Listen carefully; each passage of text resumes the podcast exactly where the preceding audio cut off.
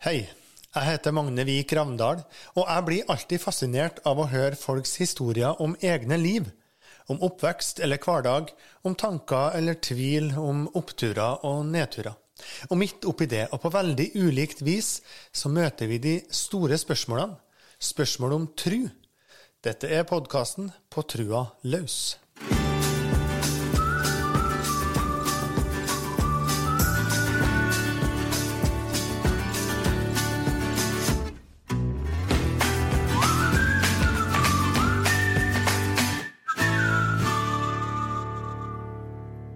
Nå skal du få møte aksjemegleren som ble kulturarbeider. Steinar Larsen er oppvokst i Surnadal på Nordmøre, men nå skal han være direktør for Olavsfest i Trondheim. Han leder en festival som stiller spørsmål om tru og tvil, ikke minst gjennom prosjektet Tro mot 2030, der festivalen har laga seks faste spørsmål. Disse spørsmålene skal Steinar Larsen etter hvert bli utfordra på. Men først skal du få høre om hellige øyeblikk, og om et sterkt musikalsk møte i Nidarosdomen.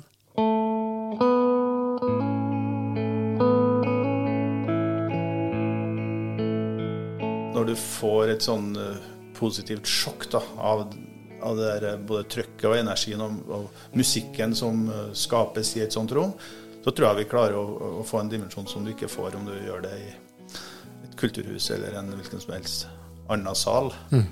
Kjenner du på da? Nei, da fryser du på ryggen. Du får bare bli stille. Mm. Det var under Åge Aleksandersen sin konsert i selveste Nidarosdomen under Olavsfest 2019 at gitaristen Gunnar Pedersen avslutta med å spille Barnatro. Den traff mange rett i magen. Ikke minst vår egen podkastgjest, han som senere skulle bli direktør i Olavsfest, og som kjente at det her, disse tonene, rørte noe inni han. Noe utafor det som kan tas på og regnes ut.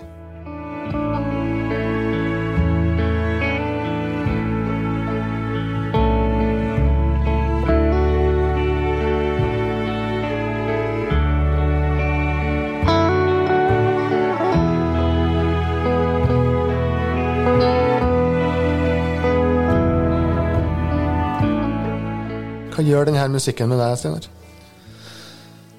Nei, den eh, gir jo noe ekstra, da. som er litt vanskelig å sette ord på. Men klart at uh, en av verdens kanskje enkleste melodier som blir formidla på den måten der, av unike musikere og musikalitet, er klart det gjør noe.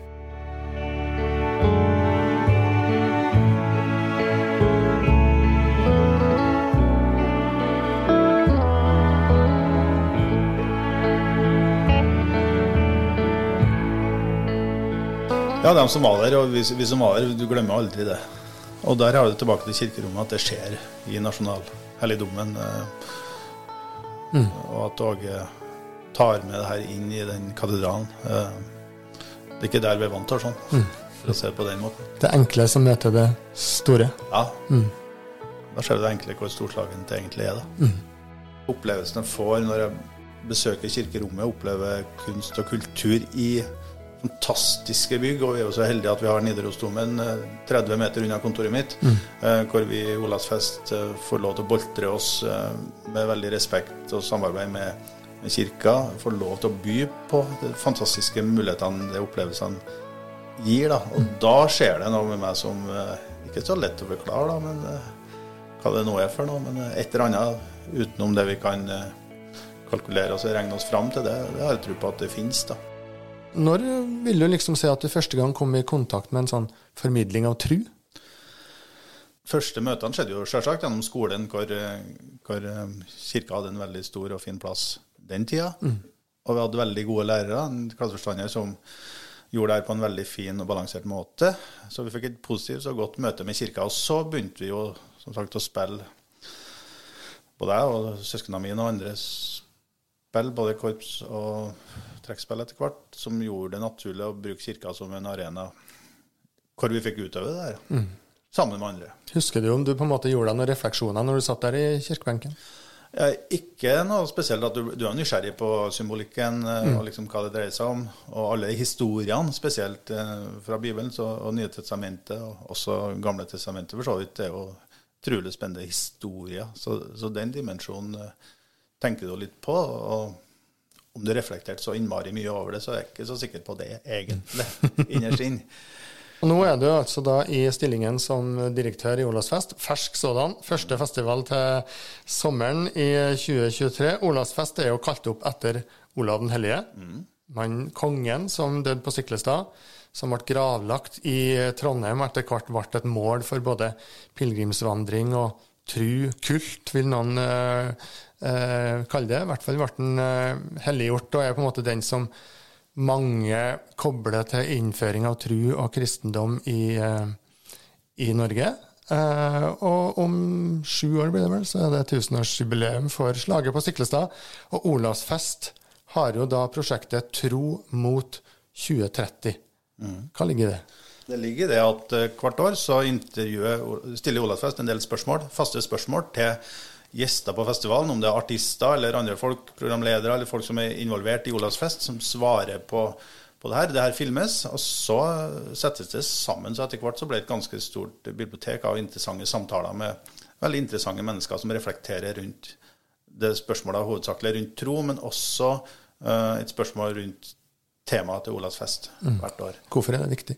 Det er viktig for å se om det for det første og se om det kanskje er en utvikling her vi kan se. Eh, men det er interessant å høre på folk som så åpent snakker om det, det som betyr noe for dem. Mm. Og Der er det jo da noen faste spørsmål som du sier, som stilles. Og nå tenkte jeg rett og slett at den utfordringa den eh, fortjener du som fersk uh, Olavsfestdirektør. At vi rett og slett går inn i de spørsmålene, og så uh, ser vi litt hva det fører til. Hvis vi starter da med det første spørsmålet som alltid stilles av Olavsfest, tro mot 2030 så er det som følger Fantes det noen form for religiøsitet i din familie da du vokste opp? Korte svaret er egentlig nei. Mm. Eh, det var ingen eh, i nærmeste familien som hadde en slags religiøs tilnærmelse til det vi holdt på med.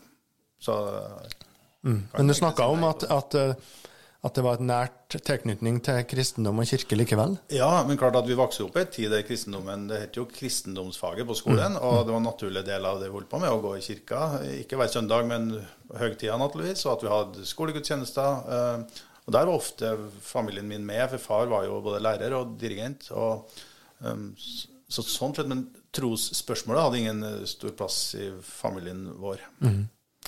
Andre spørsmålet, da. Hva tenker du om dette med tro i dag? Det som er så fint med tro i dag, det er jo at uh, nå er en åpenhet for å tro på hva du vil. Mm. Og Det tror jeg var mye trangere før, og jeg er klar over at det er ganske trangt en del miljøer rundt om i Norges land nå. Men den troen og det, de holdningene som ja, åpning av kirkemøtet, preses og Nidaros biskop og det som bispedømmet og Nidarosdomen Folka her står for, den er så veldig fin, inkluderende og åpen at uh, jeg tror, eller overbevist om at det gjør det lettere for folk å snakke om tro, og, og være åpen om hva du tror på eller ikke tror på. da. Mm. Enn du sjøl? Jeg har jo sagt eh, at jeg har jo ingen eh, sånn gudstro, men jeg er jo medlem av kirka og har mm. veldig respekt for det det vi om i stad, det omsorgsarbeidet til kirka, det inkluderende, og, og den måten kirka er en del av samfunnet, altså den trosdimensjonen inn som en vanlig del av samfunnet. At det ikke er noe på sida. At du har troa på ene sida, så har du samfunnet på andre sida. Og, og, det står det jo i formåls, eller i vedtektene til Olavsfest skal være i skjæringspunktet mellom tro og samfunn. Mm. Og den sliter jeg litt med, så, så, vi skal ha en del samtaler om det der. Og, ja. og se hva det egentlig betyr. Jeg klarer ikke å se den, det skjæringspunktet, da. Mm. Så jeg tror at tro og samfunn, og det, det kirka her står for noe, det er så veldig inkluderende. da. Mm. Og det gjelder også uavhengig av hva du tror på. Mm. Du har ingen gudstro, sier du. Hvordan, hvordan har veien vært fram til å på en måte definere det? Nei, jeg har egentlig aldri definert det så tydelig. Og så er jeg jo klar over når jeg søker en sånn jobb, at jeg må, må tenke grundigere over det. Og, og, og ønsker også stå for det jeg tror på, på en helt annen måte. Hvis vi i Olavfest skal by på refleksjon rundt verdispørsmåla, ikke minst, så kan ikke jeg, jeg som direktør sitte der og ikke ha noe forhold til det. Det mm. blir merkelig. Mm. Så det er naturlig og, og fint for meg eh, med å begynne å tenke gjennom litt mer de problemstillingene, utfordringene og mulighetene som ligger i det. da. Mm. Og så sa jo han jeg tok over jobben etter Petter Myhr, at uh, første han sa ja, du må være klar over at nå blir livet ditt fullstendig forvandla, sa han. Så hva som ligger i det, det, det er spennende. Så jeg går inn i, inn i jobben med Olafest med både åpne armer, ører, ører øyne. Og, og gleder meg til mange gode samtaler. Og, og, det er et veldig stort engasjement rundt folk, og en åpenhet mot uh, Det sto jo vårt land og sa at uh, ikke har noe sånn gudstro. Mm. Uh, og det ble tatt veldig godt imot å skape gode samtaler. og mm. Ingen fordømmelser så langt fra noen som jeg har merka. Kanskje ikke til meg, men Da jeg sendte deg forespørsel om å stille i denne podkasten, så sa du at uh, skrev noe sånt som at det hadde vært vanskelig for meg for noen måneder siden, men nå er jeg klar for det. Hva er det som har skjedd? Nei, Det var en bevisstgjøring når jeg bestemte meg for å søke jobben. Mm. Men betyr det at det er en slags At du kjenner på en slags eh, At det her er bevegelse, på en måte? Ja, eh, det er ikke godt å si, men, men eh, bevegelsen er at jeg har veldig tro på å jobbe med mennesker. Mm. For å skape noe som, som er viktig da, for alle sammen. Og klart at der jeg jobba før eh, Musikken var viktig for veldig mange, og vi var veldig sjangeruavhengige. Eh, men klart at å komme til Olavsfest som den viktigste festivalen iallfall i Norge, som tar tak i en del spørsmål som eh, går over det med å bare i hermetegn av store, flotte konserter, mm. eh, som i seg sjøl er fantastisk, men den dimensjonen ekstra gjorde at du må begynne å spekulere og tenke litt større rundt de store linjene. da. Mm. Men for meg så er det om det er tro eller hva du kaller det, det verdispørsmåla, som er en sånn sekkebegrep. Menneskeretter. Uh, ikke minst problemstillinga nå med demokratier rundt i verden som blir færre og færre. Mm. Alt som skjer ikke så langt unna oss, uh, også i Norge. Mm. Skytinga i Oslo i juni. Uh, Ukraina, Russland inn der. Det store spørsmålet som dukker opp nå for meg, det er det er at hva betyr det her for folk? Hvordan påvirker det folk? Og ikke mm. minst dem som er yngre enn både meg og deg, men som kommer inn i en verden som er helt annerledes nå enn hva de kunne, eller hva de har opplevd tidligere.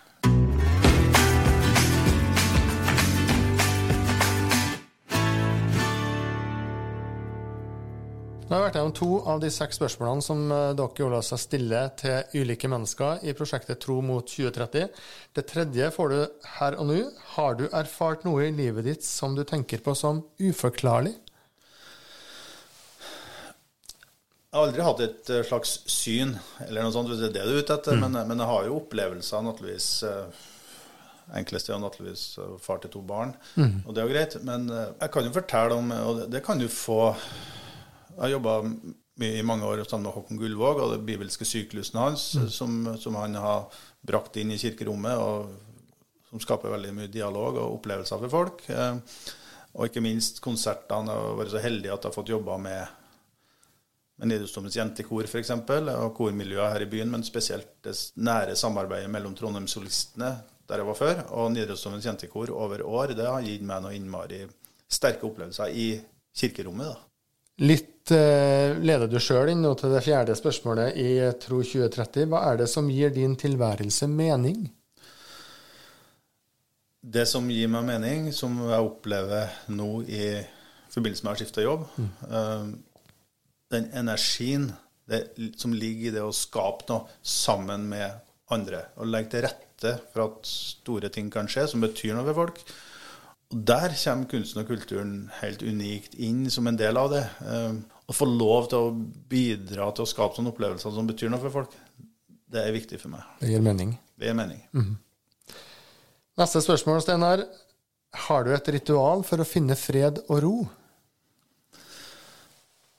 Ikke noe sånn som jeg gjør hver dag, men, men det jeg begynte å tenke på nå, jeg går jo pilegrim hver dag. Mm. Jeg bor jo langs pilegrimsleden, så jeg starter dagen med å gå fra Sverresborg eh, og ned til Nidarosdomen. Mm.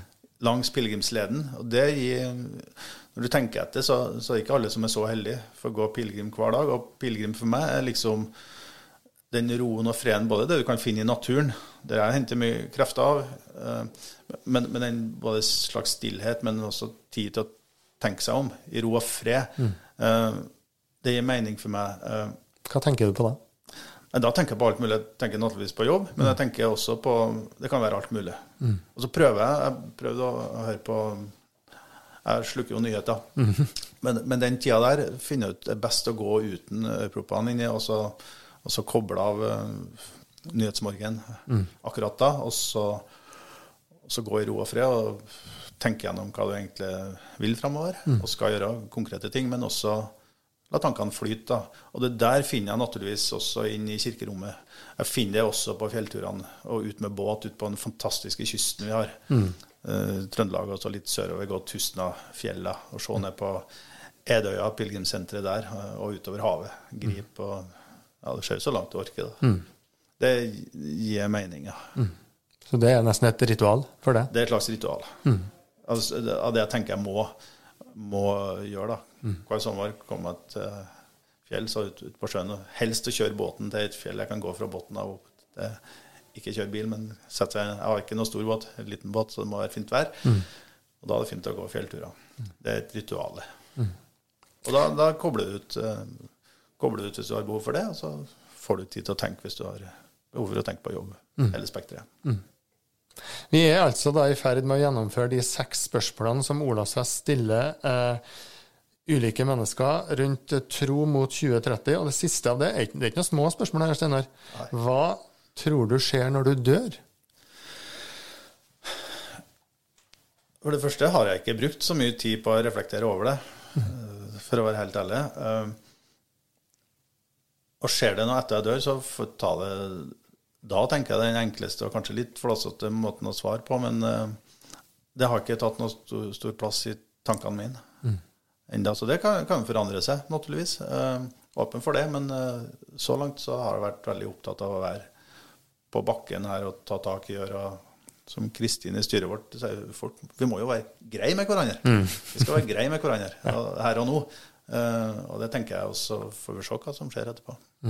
Så spørsmålet om eh, himmel eller helvete eller eh, gjenfødelse eller eh, sånn som mange andre jobber med, det har ikke hatt noen plass hos deg? Det er ikke noen stor plass. Eg- Egentlig ikke. Så, for det første så jeg tror jeg er ganske sånn konkret og ønsker gjerne å få avklaring på ting. Svar på ting, Og det vet jeg at du ikke får på det spørsmålet der før det, før det ligger der.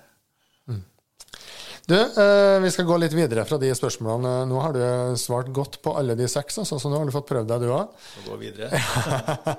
Men du snakka om det her med de hellige øyeblikkene. Jeg har lyst til å dvele litt ved det, for jeg aner at der er det et eller annet som du på en måte eh, opplever som er større enn enn det som er her og nå. Eh, du fortalte meg f.eks. at når du er ute og reiser, så besøker du ofte den lokale kirka, den lokale katedralen. Hvorfor det? Nei, for det første så, så er jeg veldig nysgjerrig på ting. Og rundt omkring i Norge, naturligvis, men også i Europa, er det noen fantastiske byggverk med overdådig kunst. Um, ja, Reiser rundt i Italia, så skjønner jo folk hva vi snakker om. Jeg skjønner jo at det ligger mye slavearbeid og mye, mye rart bak det. Mye makt og maktmisbruk for å få det til. Men når du kommer inn i rommet da, og opplever hva det betyr, ikke minst for dem som, som er inne der, og om det står noen på kne og ber, eller hva han gjør, eller mm. sitter en organist og øver på, på repertoaret eller det konserten han skal ha om kvelden, eller den neste messe, så gir det en helt unik eh, opplevelse å sitte i det rommet. da. Også om det ikke skjer noe, om det bare er helt stilt. Du sitter sjøl, ikke minst, og, og lar tankene flyte og se rundt deg. Sug til deg inntrykk. men det med kunsten oppi der, og det som er skapt av noen for å også skape refleksjon, men å by på bare en ro og fred og en stillhet, noe vakkert, det, det er vel det som gjør at jeg oppsøker kirkene. Om det er et hellig øyeblikk, det iallfall et helt magisk øyeblikk. Om det er hellig, det kan godt kalles det. Mm. Var det sånne øyeblikk du på en måte ana når du Du var jo inne på det, jobba med Åge, Trondheimssolistene, midt i flere trønderske kirker, ikke minst da i Nidarosdomen sjøl. Ja, Det ble jo et veldig nært og, og godt samarbeid med Åge over en tre-fire år, som starta med to konserter under Olavfest i 2019. Eh, Et helt nytt og stort prosjekt som festivalen tok eh, initiativ til sammen med Åge. Og Trondheimssolistene, som jeg jobba da, vi tok tak i det sammen med Åge. Og, og før jeg slutta og begynte i Olavsfest nå, da, så tror jeg vi gjorde en ja, 75-80 konserter. Og mange av dem var faktisk i kirkerommet. Og hva eh, det betyr for folk, og ikke minst for eh, Åge også, og oss som var rundt det. Tekstene til Åge kommer fram, og musikken på en helt annen, mye nærmere måte enn på utrolig fantastiske opplevelsene med Åge og sambandet rundt omkring.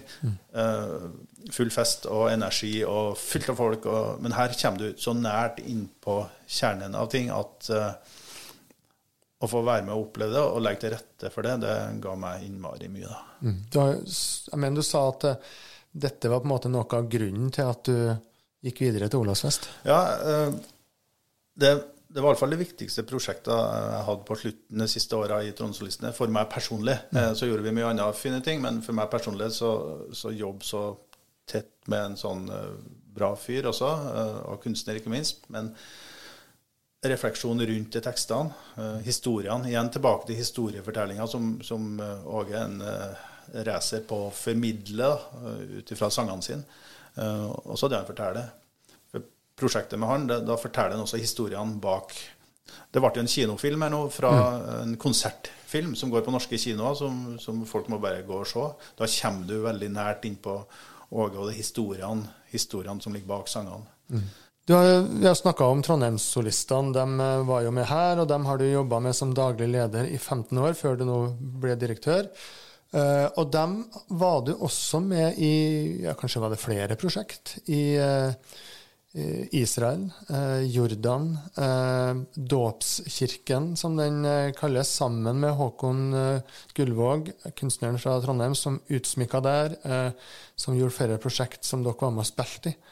Kan du si noe om hva det gjorde med deg å komme til disse plassene?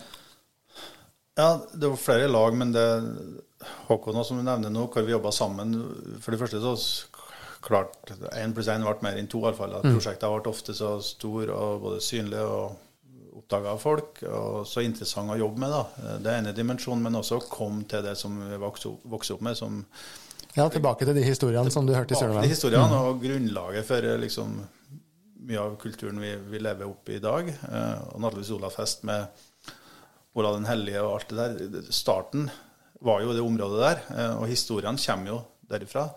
Så å få lov til å jobbe vært nedover veldig mange ganger. Base i Jerusalem. Jobba med palestinske musikere, ikke minst. Og, og, men det som er den situasjonen de lever i i dag, som gjør det så håpløst Det er så mange dimensjoner når du mm. er på det kall det hellige stedene, og så ser du hva situasjonen er for dem som lever i et slags apartheidsystem i dag. Mm. Og det der er jo akkurat nå så er det ikke akkurat noe enklere inni der etter valget og israelske valget og politikken som føres eh, nedi der. da. Mm. Så, så hvor mye folk sliter på begge sidene, kaller det det, på israelsk og palestinsk side. Uh, mange som lever i en uh, situasjon som er vanskelig å forholde seg til. Å oppleve det på nært hold, det, det gjør noe innmari inntrykk. I tillegg til historiske rammeverket du går midt oppi der. Da. Mm. Store kontraster. Eh, hva, hva, tar du med deg? Nei, Du tar jo med deg, du bygger, jo, du bygger jo livet ditt med alt du opplever, mm. og tar med deg det som et grunnlag for det du gjør videre. Og klart at Mye av de møtene der og prosjektene vi var så heldige å, å få til å jobbe med gjennom Trondheimssolistene, var med å modne meg til å tore å søke en sånn jobb som eh, stillinga Olafest virkelig er. da. Mm. Og nå skal altså eh, din første festival gå av stabelen. Eh, starter vel 28. Ja. juli 2023. Eh, program eh, kommer jo litt sånn eh, etter hvert, har jeg skjønt. Noe er presentert, og noe blir liksom offentlig utover, utover våren. Hva tror du at Olavsfest kommer til å, nå når du får det liksom helt innpå, kommer til å gjøre med deg?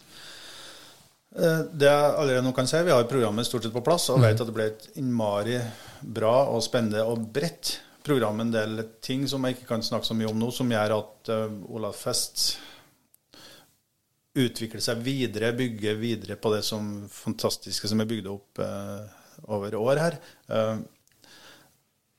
Det vil bety for meg at vi, vi blir utfordra av mange her mot 2030. Og vi blir jo en hovedaktør mm. her i byen mot det. Og allerede nå ta et anslag der vi løfter Olavsfest på et nivå der vi blir mer synlige som den plassen og byen og festivalen som setter verdispørsmåla så til gangs på agendaen, sammen med andre, inkludere andre aktører i byen som vi jobber tett med for å få fullføre eh, Kall det, det det målet som vi ikke er i stand til å gjøre sjøl. Mm. Eh, det personlige gir en energiboost å se hva vi kan skape sammen. Mennesker som jobber sammen. Eh, og posisjonen jeg har fått nå, så er, er liksom sitter du i kjernen der du kan ta det valget og, velge å inkludere, eller du kan velge naturligvis å gjøre det her sjøl og holde det tett. Men festivalen og det rammeverket rundt er potensielt så stort at det påvirker så mange mennesker, og det påvirker naturligvis oss som jobber med det. Mm. Tror du det kommer til å gjøre noe med din forestillingsverden, med din tru? Ja, klart det er det. For at du får så mange innganger til ting. At hvis du ikke er åpen for ting da, om det er tru eller hva det nå er, det, hvis du ikke er åpen, har et åpent sinn og inngang til det, så sliter du. Kanskje må vi invitere deg på nytt om noen år. Hva har Olavsfesten faktisk gjort med det? Gjerne. Stiller gjerne opp på det. Ja. Flott. Tusen takk for at du kom, Steinar Larsen, og lykke til med din første festival til sommeren. Tusen takk.